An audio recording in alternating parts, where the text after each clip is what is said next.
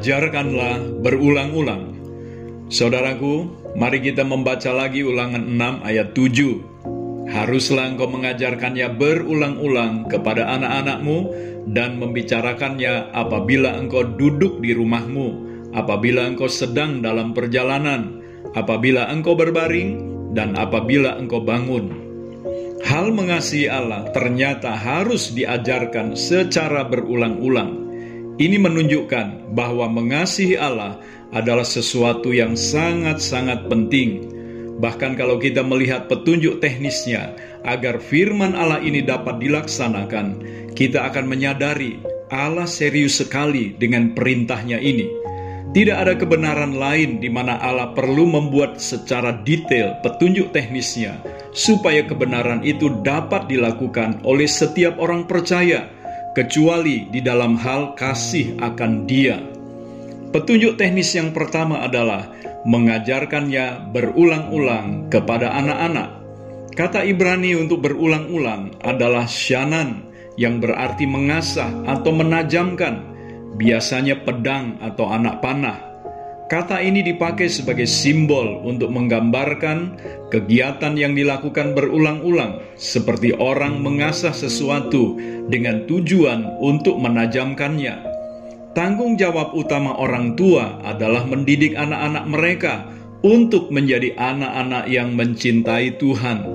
Banyak orang tua Kristen masa kini yang menyerahkan pendidikan rohani anak-anak mereka sepenuhnya kepada gereja, kepada pendeta, pemimpin kaum muda, pemimpin anak remaja, atau kepada guru-guru sekolah minggu.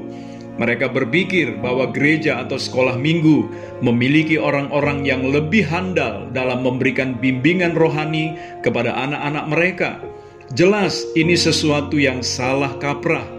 Orang tualah yang menjadi penanggung jawab utama dalam hal ini, seperti yang Amsal 1 ayat 8 katakan.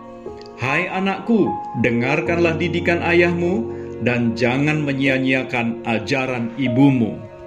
Orang tua tidak boleh hanya berharap kepada khotbah atau pelajaran Alkitab setiap hari Minggu dari seorang hamba Tuhan atau seorang pendeta untuk memberi makanan rohani bagi anak-anak mereka Orang tualah yang harus secara rutin dan dalam segala kesempatan menyampaikan kebenaran firman Tuhan secara berulang-ulang kepada anak-anak mereka.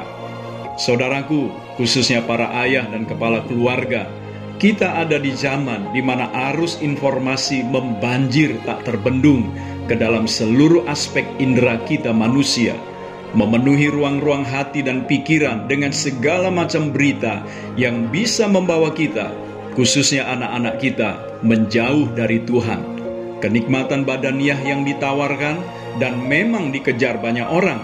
Paham kebendaan atau materialisme yang diperagakan oleh dunia sebagai suatu ukuran yang perlu dicapai seseorang adalah sebuah tantangan iman yang nyata yang saya percaya hanya bisa dikalahkan kalau anak-anak kita sungguh-sungguh mengasihi Tuhan Seringkali karena ketidakmengertian atau karena memang tidak ada kepedulian yang sungguh kepada firman Allah, banyak orang tua justru mengajarkan dan memberikan teladan bagaimana caranya anak-anak mereka beroleh kesuksesan versi dunia ini.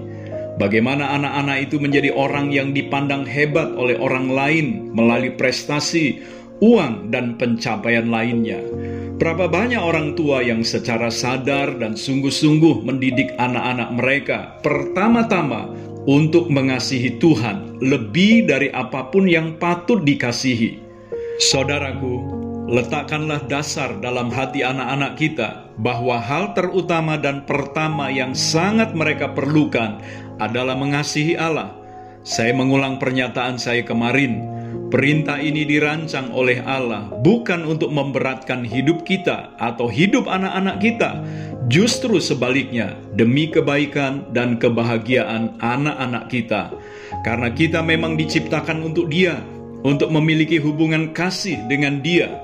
Marilah dengan pertolongan Tuhan kita ajarkan hal ini berulang-ulang kepada anak-anak kita saya Theo Barahama, mari pancarkan kerajaan sorga dari rumah kita.